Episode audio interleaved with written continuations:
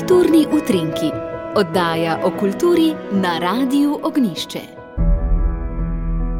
Z vami sem Marjan Bunič. Slovenski mladinski orkester vabi na audicijo za sezono 2023. Orkester s svojimi projekti zapolnjuje vrzel med formalnim izobraževanjem, ki se osredotoča na tehniko in teorijo, ter realnostjo poklica, je edini tovrstni projekt pri nas, ki mladim glasbenikom omogoča iz prve roke spoznati vse vidike življenja poklicnega glasbenika, od prijave na audicijo do izbora projektov, vaj in nastopov na najprestižnejših odrih. Omogoča povezovanje slovenskih glasbenikov, sovrstnikov, ki se izobražujejo in delujejo pri nas ter slovenskih glasbenikov, ki se izobražujejo in delujejo v tujini. Kdo se lahko prijavi na audicijo? Že izkušeni slovenski glasbeniki, stari med 16 in 26 let, ki študirajo glasbo pri nas, študentje Akademije za glasbo, dijaki konzervatorijev za glasbo in balet ali na akademijah, ter visokih šolah za glasbo v tujini, ter igrajo enega od naslednjih inštrumentov: violino, violo, violončelo, kontrabas, flauto ali pikolo, obo, klarinet, fagot, francoski rok, trobento, pozavno ali tovkala.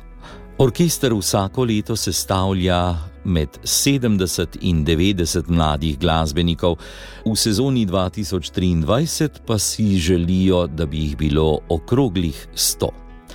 Člani orkestra se povezujejo v različne programe s ciljem, da vsak od njih nastopi na vsaj enem koncertu za občinstvo letno. Izvajajo enega ali več koncertnih programov v sezoni, včasih so programi medžanrsko edinstveni oziroma prilagojeni posebni priložnosti. Interesenti se lahko prijavijo na audicijo za slovenski mladinski orkester do 31. januarja do polnoči. Prijave pa potekajo izključno prek spletne povezave na smo.ngo. Za prijavo potrebujete osebne podatke, povezavo do videoposnetka naloženega na YouTube kanalu Vimeo ali podobni platformi v zasebnem načinu.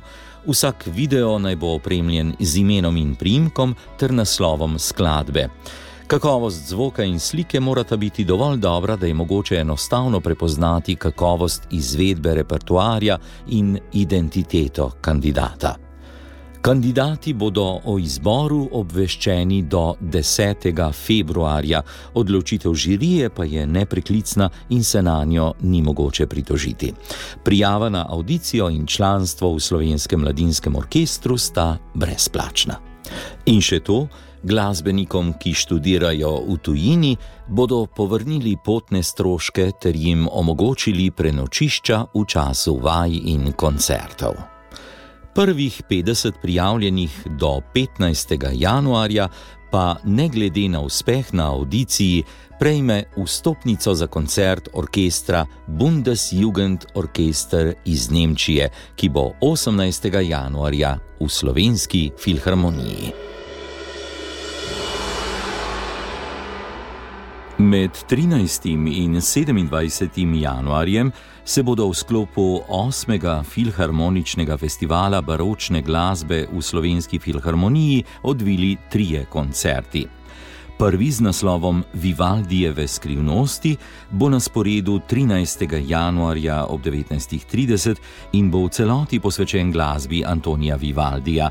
Zazveneli bodo skladateljevi koncerti in simfonije, kot solisti violinisti pa se bodo predstavili Oliver Dizdarevič, Marika Pšibil ter Žiga Faganel, na orglah pa Tomaš Sevšek.